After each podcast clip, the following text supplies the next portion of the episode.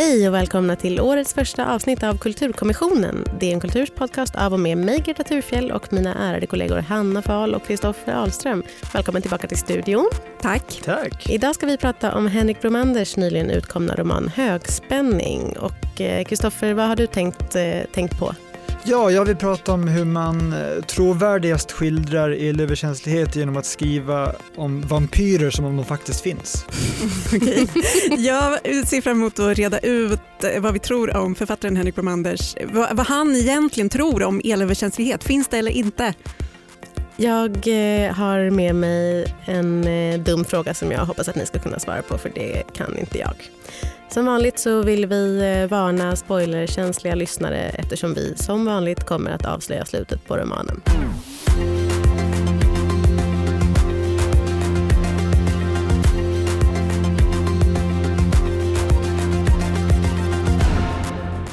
Elöverkänslighet står på agendan i Henrik Bromanders nya roman Högspänning. Svenskläraren Lotta blir allt mer marginaliserad på sin arbetsplats när skolans nya rektor hårt satsar på tekniken. Och samtidigt hör Lotta talas om diagnosen elallergi. I takt med att hennes oförklarliga symptom förvärras kommer hon till insikt. Det är det genomelektrifierade samhället som är boven och något drastiskt måste göras för att stoppa utvecklingen. Förlåt att jag kanske säger det självklara nu, men vi är alla överens om att elallergi inte existerar, eller? Eh, kan, kan du definiera att det Förlåt, inte existerar? Nej, men att det inte är en, en faktisk reell diagnos man kan ha. Man kan inte vara överkänslig mot el. Ja, Hanna, men även om jag eh, trodde det så skulle jag knappt våga säga det inför dig. För att du alltid blir så arg när man kommer med såna eh, flum eh, eh, tolkningar av saker och ting i världen. Men, men ja, alltså det, det finns väl ingen så här vedertagen medicinsk diagnos för det, men det finns ju definitivt en social diagnos. Eh, Jo men, Men ja, men, självklart, jo, men precis, jag menar inte, det är klart att det finns folk som upplever sig elallergiska, Mm. men och och jag jag tvivlar inte på att de lider, Nej. men jag skulle, vi är väl alla överens om att det är något annat som ligger i grunden för deras lidande än att de är allergiska mot el? eller? Ja, det stämmer. Ja, Jag vill bara påminna om eh, Gretas extremt starka reaktion när jag anklagar en av hennes vänner för att ha en elöverkänslig aura och det var liksom det värsta tänkbara man någonsin kunde säga om en människa. Så det är klart att de är utsatta i den betydelsen även om det kanske då inte finns liksom en ja, medicinsk status som är elöverkänslig så är det verkligen någonting som knuffar ut en ur samhälle och liksom sociala cirklar. Ja men Jo. gud ja, men det är ju snarare att man har en inbildningssjuka i största allmänhet. Alltså, sen har väl elallergiker eller elöverkänsliga som det heter eh, blivit mer av, det har väl liksom blivit någon sorts nästan sam, alltså så här foliehatts eh, samlingsbegrepp för så här tokar inom citationstecken. Men det, men det, ja det var därför som jag också tog det som lite av en, en kränkning när du sa att min bästis var, hade elöverkänslig aura. Men visst är vi också överens om att Henrik Bromander inte anser att elöverkänslighet finns på riktigt? Ja, Um, du menar att han anser att det inte finns på riktigt? Ja precis, det är absolut min läsning av boken. Han tror inte heller att elöverkänslighet är Alltså jag ska säga så här, jag, när jag läste den här så kom jag att tänka på, jag gjorde en intervju med Sara Bergmark Elfgren nyligen och hon pratade om en pjäs hon har skrivit eh, där en av karaktärerna är vampyr. författaren till bland annat Cirkeln. Ja och- precis, ja. hon har skrivit en, en pjäs som heter Oskar Liljas försvinnande där en av huvudpersonerna är vampyr. Men det ska också finnas där liksom tolknings, ja, mm, att man kan tolka det olika, att folk kan läsa in vad de vill i det. Men då sa hon att hon skriver det som om vampyrer finns på riktigt. Så lämnar man lite osäkerhetszoner här och jag tycker att Mander jobbar mycket här på samma sätt. Att Lotta, huvudpersonens perspektiv, är väldigt övertygande, underbyggt med liksom jättemycket böcker och undersökningar och studier. Samtidigt som man som läsare självklart kan göra en helt annan tolkning av vad hennes liksom, symptom beror på. Mm. Jo men han har verkligen ju gjort en eh, gedigen research på elöverkänslighet. Jag menar, han, han, eh, eller huvudpersonen Lotta då, i boken refererar ju hela tiden till sitt källmaterial, till olika böcker som hon har hittat på biblioteket. Och Ja, det är en gedigen notapparat till Ja, mycket ja, fotnoter. verkligen. Ja, det är i sannoliken mycket fotnoter. De är av varierande grad roliga tycker jag. Men, men eh, så att jag menar, det är ju inte det att han, att han liksom har hittat på, han har ju verkligen gått in för, för att, Att liksom- skildra elöverkänslighet inifrån. liksom. Precis, Mm. precis, precis. Och det tycker jag, det tycker jag är väldigt eh, väl eh, gestaltad. Jag är ju också av den skolan som blir väldigt eh, som, som, även jag går in väldigt mycket för uh, det här. Så under läsningen eller när jag hade läst klart boken, så precis när jag hade läst klart den så gick jag ner på stan och liksom gick runt och försökte vibba in lite el det kändes något. Men, jo, men jag håller med. Det kändes inget, jag ska, säga, jag ska säga det Hanna, det kändes Nej, ingenting. Men, jag, men jag var öppen för möjligheten. Eh, men jag håller med om att han har ju verkligen gjort sitt fotarbete och läst på otroligt noga och det är väldigt insatta um, fotnoter och ja, men researchen är verkligen gedigen. Mm. Och jag känner också att han går in i det här med någon sorts stor empati och stor liksom, öppenhet inför eh, sin huvudperson Lotta och för den här, de här människorna han skildrar. Men jag tycker samtidigt att det är helt tydligt att han in, inte liksom tror på, på elöverkänslighet. Och det är väldigt intressant för att han säger, det sägs ju absolut aldrig på något vis rakt ut. Och som sagt Lotta är väldigt ganska i alla fall övertygande i sitt resonemang och hon är ganska övertygande som eh, rollfigur och ändå tycker jag att det märks så tydligt. Nej, men det här är skrivet av en författare som liksom har valt det här fringe-fenomenet och anstränger sig otroligt mycket för att inte håna det men han är inte på insidan. Du kände, du kände aldrig så här, för vid ett eh, tillfälle så beskriver Lotta så att elöverkänslig kanske är som eh, kanariefågeln i gruvan, det vill säga de är de första att uppleva symptomen av liksom en eh, utspridd elektromagnetisk strålning i samhället och att det är någonting som kanske kommer drabba oss alla i takt med att det här växer. Gud, det är verkligen en bra tanke. Alltså, jag gillade det, mm. det spåret jättemycket. Jag tror inte på det, men, För jag, jag, har läst jag mycket om det. Det har varit väldigt mycket skriverier nu på sistone om hur liksom den manliga fertiliteten i västvärlden bara rasar mm. drastiskt. Mm. Eh, det har gjorts eh, experiment som visar att om män som har liksom mobiltelefoner i fickan så sjunker deras spermiantal under Eller laptopen på magen. Ja, precis. Och det, har ju, det är något som sker just i västvärlden, det har skett de senaste åren. Vad är det som har förändrats i vår livsföring och liksom livsstil? Ja, i viss mängd så är det en utbäddning av liksom utbyggnad av 4G och nu snart kommer 5G-näten och så vidare. Så jag säger inte att det är så, men den är ändå trovärdig som förklaringsmodell i boken också tycker jag. Nej, jag, ni Kristoffer är allergiker. Nej, ja, absolut. Däremot så lider man extremt med huvudpersonen och man tänker också så här om jag skulle bli elöverkänslig, helvete vad svår levt livet skulle bli. Särskilt med oss som kompisar. Ja, hur ska jag kunna hänga med i chatten varje dag? Nej men absolut, men han är nyfiken på vad det är som gör att du, att du ändå ser så tydligt att han är att han inte liksom köper det? Eller att han, för någonting ja. kritiskt måste du ju uppfatta. Eller vad, vad, jo, vad kan det vara? Jag har väldigt svårt att sätta fingret på det själv och jag tänkte väldigt mycket på det när jag läste den att han verkligen har som sagt, gör ett så bra jobb med att gå in i den här rollfiguren och, och skriva henne på ett sätt som har liksom intern logik och sådär. Men att jag ändå jag, jag, kan inte sätta fingret på det men jag bara kände att det var 100%, jag var 100% säker på att Bromander, liksom inte, att han har liksom ett ut, utifrån perspektiv egentligen som, som äkta människa, som, den, som människan bakom författaren. Men vad skulle du så fall sätta för diagnos på Lotta om det inte är elöverkänslighet som ger de här, man kan ju säga någonting om att hennes symptom, det är ju så här, ja, vallningar, det är liksom kraftiga svettningar, illamående, jo, men kräkningar. Det, det, ja, jag vet Eksem. inte, det, ja, mm. Otäcka eksem i ansiktet. alltså, och det antyds ju ganska tydligt i boken och det är väl någon bifigur som får antyda det också. Vi kan komma in på det lite, lite närmare sen kanske. Men äh, att hon är i klimakteriet, hon är i den åldern. Um, um, men också, alltså många av de här diffusa symptomen är ju är ju sånt som kan uppstå av liksom psykisk ohälsa eller, mm. eller liksom en livskris. Eller sådär.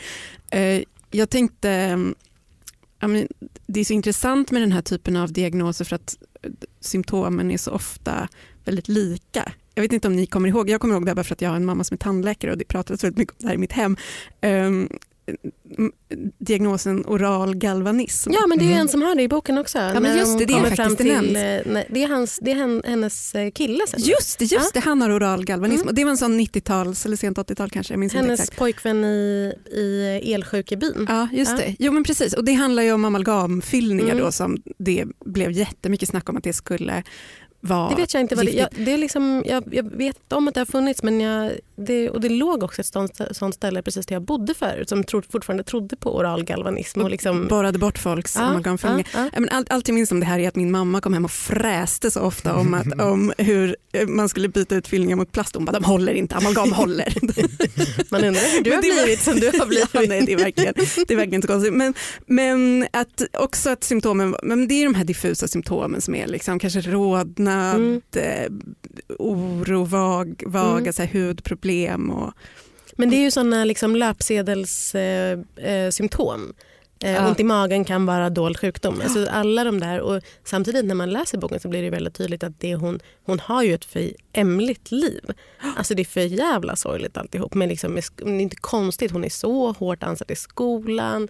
Hon har ingen kontakt med sin son. Hon är liksom eh, lämnad av sin make för en mycket yngre kvinna. Det är liksom så många olika saker som gör att man är en, att, att om jag var med om allt det här skulle jag inte nödvändigtvis tänka elallergi utan snarare tänka så här, men gud jag håller på att gå under av all sorg och all liksom, stress och att alla liksom hatar mig. Och, dels, och, och dessutom då det så här självpåtagna, eller vad man ska säga, i att hon då går runt och säger till alla att hon har blivit elsjuk och, och liksom tvingar skolan att anpassa sig till att hon har blivit elsjuk och hemmet och allting. Sen planteras det också ganska tidigt i boken att hon har redan från första sidan en aversion mot allt vad modern teknik heter. Det är liksom, hon svär över folk som sitter med mobiler och det är läsplattor i skolan och det är digitala whiteboards och liksom hela tiden där att tekniken är motsatsen till det djupare själslivet som man får när man Mm. förkovrar sig i litteratur och hon är ju också en klassisk kulturtant får man säga, karaktären, väldigt framskriven sån så att det känns som naturliga kontrahenter.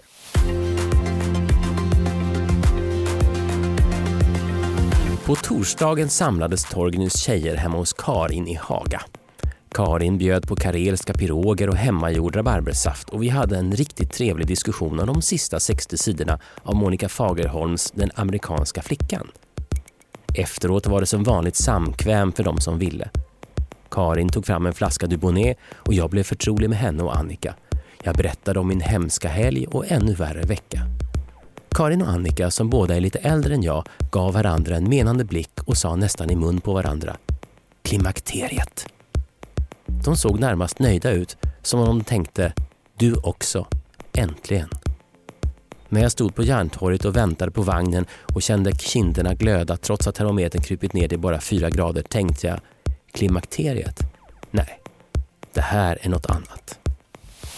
Det var vår eh, producent Augustin Erba som läste en bit ur boken. Och, och den eh, säger ju ganska mycket den här om vilket sammanhang som Lotta rör sig i. Som du sa, Kristoffer, just det här eh, Torgnys eh, tjejer, bokcirkeln som hon har och hennes eh, läsvanor. Och hennes, liksom, hon är ju en ganska nästan klichéartad kulturtant. Hon, hon lever ihop med två katter. Hon fräser och svär över hennes son som eh, bara spelar datorspel och, och i bokcirkeln så läser de bara Agneta Pleijel och, och, och Monica Fagerholm och alla såna liksom, eh, ja, lite uppburna så, eh, kultursidesromaner. Eh, romaner. Tycker ni att alla de här liksom markörerna som man får nästan slängda på sig eh, om vem Lotta är och vad Lotta är för typ av figur. Vad känner ni för de Hanna, kan du börja? Eh, ja, jo som sagt de är ju, eh, hon är ju eh, verkligen en, en sån klichébild eller en drömbild av en, av en kulturtant med, det finns liksom ingen markör man kan komma på som hon inte har. Ja, men allt, ja, men liksom, hon är en cat lady och allt vad det är. Mm, mm. Ehm, och jag tycker att det är väldigt väl genomfört och jag tror att Henrik Bromander gör det med flit, alltså tecknar henne som den här klichébilden med flit för att han jag tror att det är, jag känner lite att det är det som är liksom utmaningen skrivtekniskt i den här boken, att han har lyckats så här, göra den här ganska bespottade klichébilden. Hon är en kulturtant, hon är elallergiker, hon är det, är det ena med det andra. Och att skapa empati för den figuren. Jag tror att det är det som han har sett som liksom utmaningen, eller liksom nöten och knäcken i den här boken. Och jag tycker att han lyckas. Men jag tycker kanske samtidigt att det här hade gjort sig bättre som en lång novell. Liksom. att det inte riktigt håller i det långa formatet. Jag vet, Nej, förstår jag du vad jag menar? Ja, eller så här, det jag kände att den är ganska kort, 195 sidor, Mm. hade ändå kunnat vara lite kortare för det är extremt utmattande att hela tiden befinna sig i den här människans perspektiv. Eh, det här greppet att föra in fotnoter är också väldigt smart i det liksom att man får ju känslan av att det här är en rättshaverist och det här är en enda lång inlaga med liksom Mm. fotnot på fotnot och kommentar och sidokommentar. Men det blir också, och särskilt då med alla de här symptomen som är väldigt fysiskt beskrivna, om man, ja, det kliar i hela kroppen bara av att läsa det, det blir ganska övermäktigt och det, det, det är hela tiden då henne som sagt världsåskådning man hela tiden tvingas vara. Det ja, utmattande. Ja, det är lite utmattande. Och som sagt, ja, men, nu när du sa liksom att det är som en inlaga någonstans, alltså man, man hade föreställt sig den här romanen istället i form av en så här lång experimentnovell som verkligen var en inlaga till något så stadsdelskontor eller någonting så hade den kunnat vara briljant. Men Mm. att det är lite för... Ja, jag tycker inte riktigt, riktigt att handlingen håller för en hel roman. Men det är nästan lite som att det är hennes manifest. Man får ju veta då på slutet att det är, att det är lite det det är på något sätt. Att hon skriver sin, sin berättelse för, för att få någon sorts, eh, vad ska man säga, det är inte riktigt upprättelse men, men någon sorts erkännande kanske snarare. Att det är därför som hon dokumenterar allt det här. Och, och då kanske man kan förstå lite mer varför. För jag tycker framförallt att det är så innan eh, Lotta då lämnar sitt gamla liv på skolan och, och, och ger sig ut i skogen då på jakt efter den här eh, byn där andra elöverkänsliga bor. Det är väldigt, väldigt långt. Och det Mm. är på sätt och vis ganska intressant därför att man får en som inblick i så här, någons totala nedbrytelse. Eller liksom att det blir så att man liksom faller och faller djupare och djupare ner i det och, och folk omkring bara liksom fortsätter att håna henne och sådär. Men, men det är lite, mm, jag kunde känna på mina håll att det är lite övertydligt på något sätt. Hur, precis hur eh, mycket, alltså hur mycket Mm. positionerande det är för att Mm. man ska få en så tydlig bild av Lotta som jag tycker att man har ganska klar för sig ändå. Reagerar ni på vilken extremt hög nivå hon undervisar på för att vara gymnasie? Så där var det, det pratas inte Ja. om James Joyce på mina Nej, svenska nej. lektioner. Men jag det säga. tycker jag var, för Men det det, tycker jag är- gillade jag med boken, att, och att hennes liksom yrkesidentitet som lärare skildras som att hon är väldigt duktig. Alltså Man Mm. känner ju så här, hon är en jätteambitiös och jättebra lärare.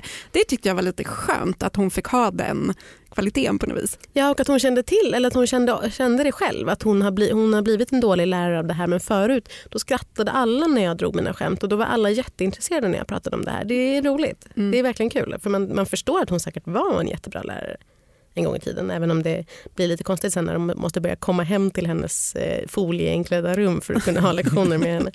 Men jag, den här, jag tycker, för att återgå till liksom alla de här markörerna i boken Mm, som ju den är mm. strasslad med.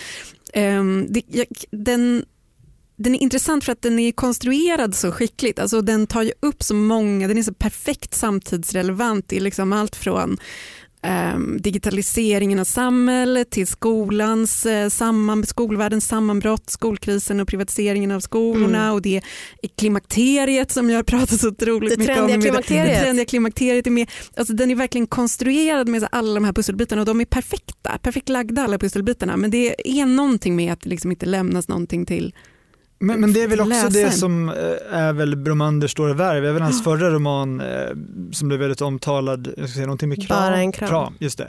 Eh, Där han blandar in verkliga personer, gör ju även här och just apropå skolan så tycker jag väldigt snyggt att hon pressas ju då av att hon måste ge bättre betyg till eleverna, eh, vilket hon sen, vilket sen liksom, ja, biter henne i baken och då lägger han in som fotnot en faktisk artikel i Göteborgs-Posten tror jag om liksom, ja, utredning av betygsinflationen på Hvitfeldtska gymnasiet där hon jobbar. Så det är väldigt snyggt den här tycker jag, ja, att hon, han slänger in henne i verkliga händelser och får det kännas som en trovärdig värld.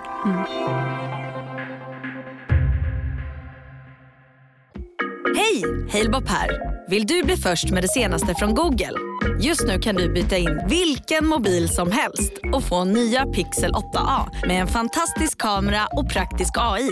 Och 30 gig surf för 339 kronor i månaden på halebop.se. Ses där!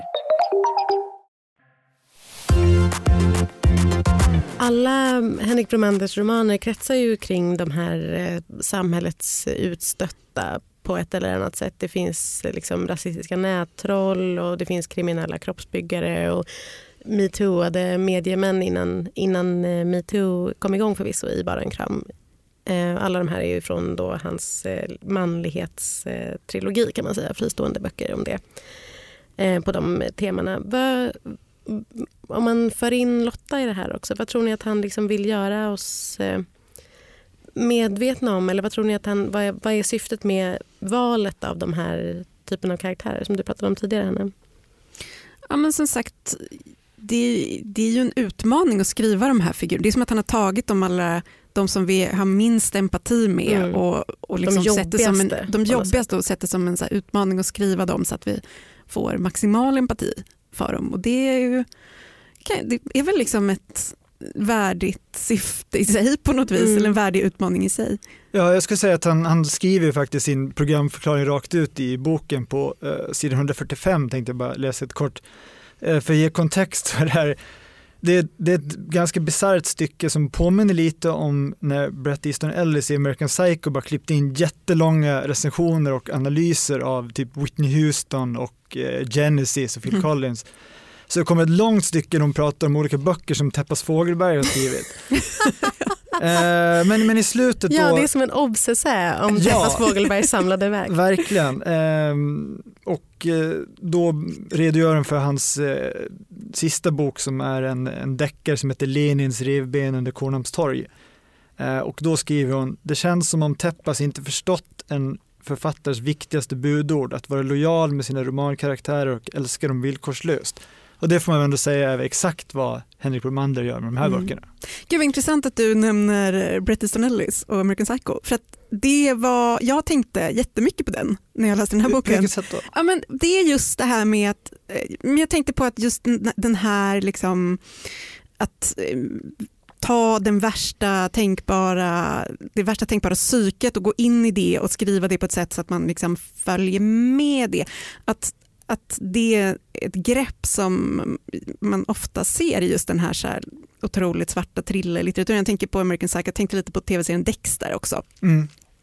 Eh, och att eh, ja, men det var liksom den närmsta liknelsen jag kom var nästan American Psycho. Även om alltså, det är otroligt olika huvudpersoner i de två böckerna. Psycho. Men att, att ja, men just det här, gå in i någon, skriva inifrån någons huvud på ett sätt så att som gör att man som läsare liksom ändå följer med i varje logiskt steg. På något vis. Jag tänkte annars, eh, en annan bok jag tänkte på var The Monkey Ranch Gang, om ni läste, jag tror aldrig den kom på Nej. svenska. Eh, eh, Edward Abbey eh, hette han som skrev den. Det handlar om eh, fyra väldigt så här, udda lösa existenser, hippies, som eh, bestämmer sig för att, ja det handlar om ekoterrorism. De, slår till, de spränger järnvägar och liksom, ja, vandaliserar grävskopor och sånt. Eh, där folk försöker dra motorvägar genom naturreservat och så. Det, den här boken utvecklas och den blir väldigt annorlunda mot slutet. Vad, Mm. jag bara tänkte, vad, vad tycker ni om det då när Lotta har tagit sin tillflykt till den här eh, av elektrifierade kolonin och de, de bygger någon slags ny, nytt samhälle där? Ja, den tar, den tar en väldigt annorlunda vändning och de här, de här partierna där hon liksom sitter in, de låser in henne i något skjul och hon får sitta där och svälta tills hon plötsligt blir fritagen. Alltså de är ju väldigt, alltså den blir ju ganska surrealistisk på slutet från Mm. att ha varit ganska Superrealistiskt. Natur- Men det det, naturalistisk precis, är också lite eh, tema Henrik Bromander på något sätt. Att Ja. det, det, det är långt, långt parti där det är så här allt är som vanligt, allt som vanligt, allt som vanligt utifrån sett på något Mm. sätt. Och sen så liksom accelererar det snabbt. accelererar det något så in i helvete på slutet. Det, är- det är lite intressant. Jag tycker nog att det är ganska, jag tycker nog att det är ganska kul eh, i just den här romanen. Åtminstone tycker jag att det, är- att det är ganska roligt därför att man, det är det man på något sätt har väntat på. Man förstår att, det, att hon, som hon spinner i huvudet så kan det bara sluta på det sättet. På något sätt att hon ger sig ut till den här byn och man har längtat lite grann till den här byn också. Man vill väldigt gärna veta och det är roligt där. Det är många starka, starka scener där. så att säga. Ja men det är verkligen så här att det här är jättedystra allvaret. Plötsligt så blir det nästan, ja, men som du säger, surrealism. Jag tänkte på Apocalypse Now när de kommer fram till det där lägret i slutet. Att så här, plötsligt så är det, det är eldritualer, det är folk som trummar och sjunger ordlöst. Det är så här, så mycket trummor. Ja, det, är liksom, det, det är ju, egentligen är det ju över gränsen och han släpper liksom ramarna för vad som han har satt Ja. upp för, för boken. Men det var också ganska förlösande efter Mm. det här liksom ständiga ältandet i misär och elände. Mm. Men hennes, för, för det jag funderar på då med den här eh, karaktären som Henrik Bromander liksom lyfter fram gång på gång, någon sorts så här, den missförstådda eh, krigaren nästan, eller liksom någon som verkligen brinner för sin sak. Så. Att, hon, att det är just elallergin som den här, så här välutbildade, välartade kulturtanten väljer att liksom ta till våld för. Eller, i- och, åtminstone i huvudet och sen även precis på slutet också i verkligheten. Var, var, var kommer den liksom viljan till kamp ifrån? ja, För någon som är så, så men alltså hon, grundad i så här, Mm. det, det, eh, liksom, Samtalet som Vanliga- det högsta. och- precis, ja. och så här, det liksom kloka, intelligenta samhället på något sätt. Fast jag tycker just den Är skildringen för det- tycker jag är trovärdig i hennes För konstanta att det har nedbrytning. vänt henne ryggen. Ja, eh, precis, alla delar av samhället i olika instanser vänder henne ryggen. Eh, och även så här, det här då på slutet när de börjar utföra liksom, ja, dåd mot, mot infrastrukturen har ju också sin upprinnelse i det att de håller på att bli marginaliserade och norskt entreprenadbolag ska liksom bygga master. Då kommer och- masterna, ja. Ja, Ja. precis. Så det blir liksom, det, ja, allt har dragits till den spetsen. Så det tycker jag ändå så här, ja, faller väl inom trovärdighetens ramar. Ja, alltså hon är ju skriven som någon, en människa som radikaliseras. Liksom. Mm, och den så eskalerande, snabbt eskalerande liksom, radikaliseringen är väl, den känns väl ganska trovärdig om man ser på det som generellt gällande radikalisering. Sen kanske det inte är, jag menar, ja, nej, det kanske inte är jättemånga kulturtanter som verkligen, menar, det kanske inte är realistiskt på det sättet, men, men, men på något lite bredare psykologiskt plan så är det väl inte Men det är väl också det som gör resan intressant tänker jag, att det inte är en rabiat person som redan från Nej. början står liksom samhällets lägsta pinnhål utan att det är en ja, djupt fungerande människa som Mm. omvänds. Jag skulle vilja innan vi slutar ställa en eh, klassisk eh, Gretas dumma fråga. Eh, En återkommande eh, punkt i Vad är det nu du undrar Greta? Jag undrar en sak om den sista sidan. Eh, och det är att jag tolkade slutet där eh, Lotta och hennes eh, nya pojkvän Göran då ska sabotera en elledning för att slå ut elnätet i stora delar av Sverige. Eh, och lyckas med det. Eh, de, ingen av dem har eh, några kläder på sig och de eh, d- orsakar någon sorts skogsbrand med hjälp av det här eller någon sorts elbrand med hjälp av ja, olika grejer. Dör de? Nej, det, det tolkar jag inte. Men det är klart man kan, det skrivs inte rakt ut. Det slutar bara med en expl- explosion i lila, gult och vitt. Och det är Mm. allt man får, får veta. Liksom. Men nej, Jo, jag tolkade det väl som, eller jag tolkade, det är ett ganska klassiskt slut Mm. det här, att, att man just, där just den frågan ska ställas. Ja, antingen så är den där, ja, antingen eller så lever de. Men det är ju det är ju en logisk lucka ifall de nu skulle dö, för då skulle väl hennes liksom, skrev det? manus Ja. Jag har tänkt brinna så mycket upp. på det här Hanna.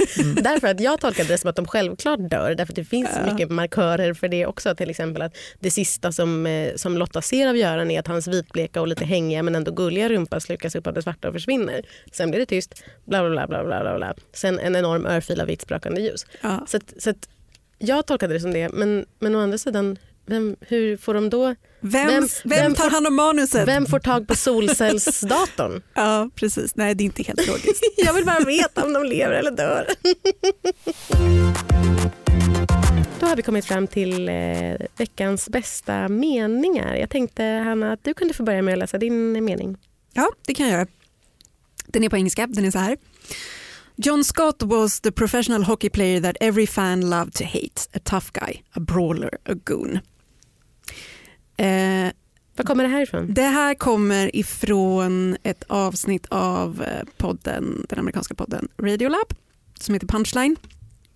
Eh, det kommer en veckan. Och eh, det här är en otrolig historia som jag aldrig hade lyssnat på om det inte var för att den bara råkade börja spela som nästa avsnitt efter något annat som jag hade lyssnat på. Och jag fastnade med en gång. Jag, eh, känner du, du Kristoffer är väl lite mer, kanske kan lite mer om eh, idrott än vad jag kan. Känner du till John Scott? Du som är kille, Du som är kille Kristoffer, känner du till John Scott? Mm, nej, vet inte ens vilken idrott vi pratar om. Hockey. Okej, nej. Eh, okej. eh, John Scott var tydligen då, eller är, eller han har väl slutat spela nu tror jag, Eh, en, han spelade hockey i eh, NHL och han var en gon, alltså han, blev, han fick bara spela, han var inte särskilt bra utan han fick bara spela när de behövde någon som skulle spöa upp en annan spelare i det andra laget. Tacklingar och sånt där. Eh, precis. håller man på mycket De, med ja, hockey, har jag precis. Om, någon, om någon annan, då han var liksom hotet, så här, om ni gör någonting mot våra spelare så, så byter vi in John Scott och så får han spöa upp er. Han var ganska illa omtyckt av liksom alla. Såg som en så här symbol för det som inte var så fint i hockey. Typ. Mm, mm. Eh, sen var det någon snubbe som hade någon så här populär hockeypodcast som eh, inför NHLs All-Star Cup typ, eh, lanserade att man skulle liksom rösta på honom som en av lagkaptenerna, att han skulle få leda ett lag som liksom skämt för att folk var lite sura på NHL av lite andra anledningar. Och det här blev en jättestor så här viral kampanj. På, "Åh, vi ska rösta in John Scott till som lagledare i den här tävlingen. Och eh, det lyckades. Han fick liksom så överväldigande stor majoritet av rösterna. Var på NHL blev liksom, började dra eh, försöka liksom stoppa honom Mm. och se till liksom tvinga honom att tacka nej. Eh, men han som är en sån otroligt mysig kille, den, i det här avsnittet av Radiolab så är han, han liksom intervjuas om allt det här. Han är så otrolig, han verkar så otroligt snäll och trevlig och hans Åh, fru är med också. De har så jättemånga barn, han, har jätte, Mm. han har drömt om att spela hockey hela livet. Det här var liksom det enda sättet han kunde få spela professionell hockey. Han bara, nej jag tänker inte låta dem ta det här ifrån mig, jag ska göra det. Och sen, och sen så är, blir det den här All-Star-cupen där han leder ett lag. Alltså det, är, inte- alltså det här är bättre än, den här historien är så underbar, den är bättre än den mesta idrottsfilm. Jag Mhm. hoppas att det blir film, det är otroligt bra feelgood. eh, Jag ska inte spoil, spoila slutet men det, man mår otroligt bra av att Wow. lyssna. Jag kommer lyssna. Och avsnittet hette The punchline. Punchline eh, i Radiolab. Kristoffer, vad Ja. har du med dig för mening? Ja, eh, har ni hört att vi har fått en ny kulturminister i veckan? Eh, ja, det stämmer. Det har knystats om det, ja. Eh, precis, vi har fått en eh, ny kulturminister och som alltid så ska den personen då nagelfaras och den största kritiken har varit att personen i fråga inte är insatt i kulturfrågor och att det är ett typiskt tecken att sossarna inte bryr sig om kulturfrågor utan de bara slänger ut posten till lite vem som helst. Eh, och då tyckte jag det var roligt, en eh, person på Twitter som kallar sig för Elvis of Low Theory eh, skrev så här. Så, kulturministern kan inget om kultur. Här är några av de kulturgiganter som har företrätt henne. Lena Adelsohn Liljeroth, Lars Leijonborg, Cecilia Stöger, Kilo, Per Nuder. Jag tyckte jag ändå var beskrivande av det faktiska läget att den ställt så jävla hårda krav på tidigare kulturministrar att de ska vara profilerade i kulturfrågor. Så sant. Så sant. Även eh, jag har med mig en eh, tweet till, eh, som min veckans bästa mening och det är den här meningen helt skriven eh, i versaler. No, don't make hot Thatcher. I don't want to be horny for Thatcher. Med anledning av att eh, eh, världens bästa kvinna Gillian Anderson ska spela mm, Margaret Thatcher i eh, The Crown säsong 4 till internets stora eh, glädje men också förskräckelse. Det är ju lite... Man känner skräckblandad eh, Hon förtjusning. har ju samma sammanbitna mun som Ja, väl, ja, precis. Den liksom, eh, kylan. Ja. Så. Ja, men hon kommer säkert att vara en jättebra Thatcher. En väldigt sexig Men I Thatcher. don't want to be horny for Thatcher. Med det säger Kulturkommissionen tack och hej för den här gången. Vi är ett samarbete mellan Bauer Media och Dagens Nyheter och vi heter Greta Thurfjell, Hanna Fahl och Kristoffer Ahlström. Producent var Augustin Erba och tekniker var Oliver Bergman. Hej då! Hej då! Hej då!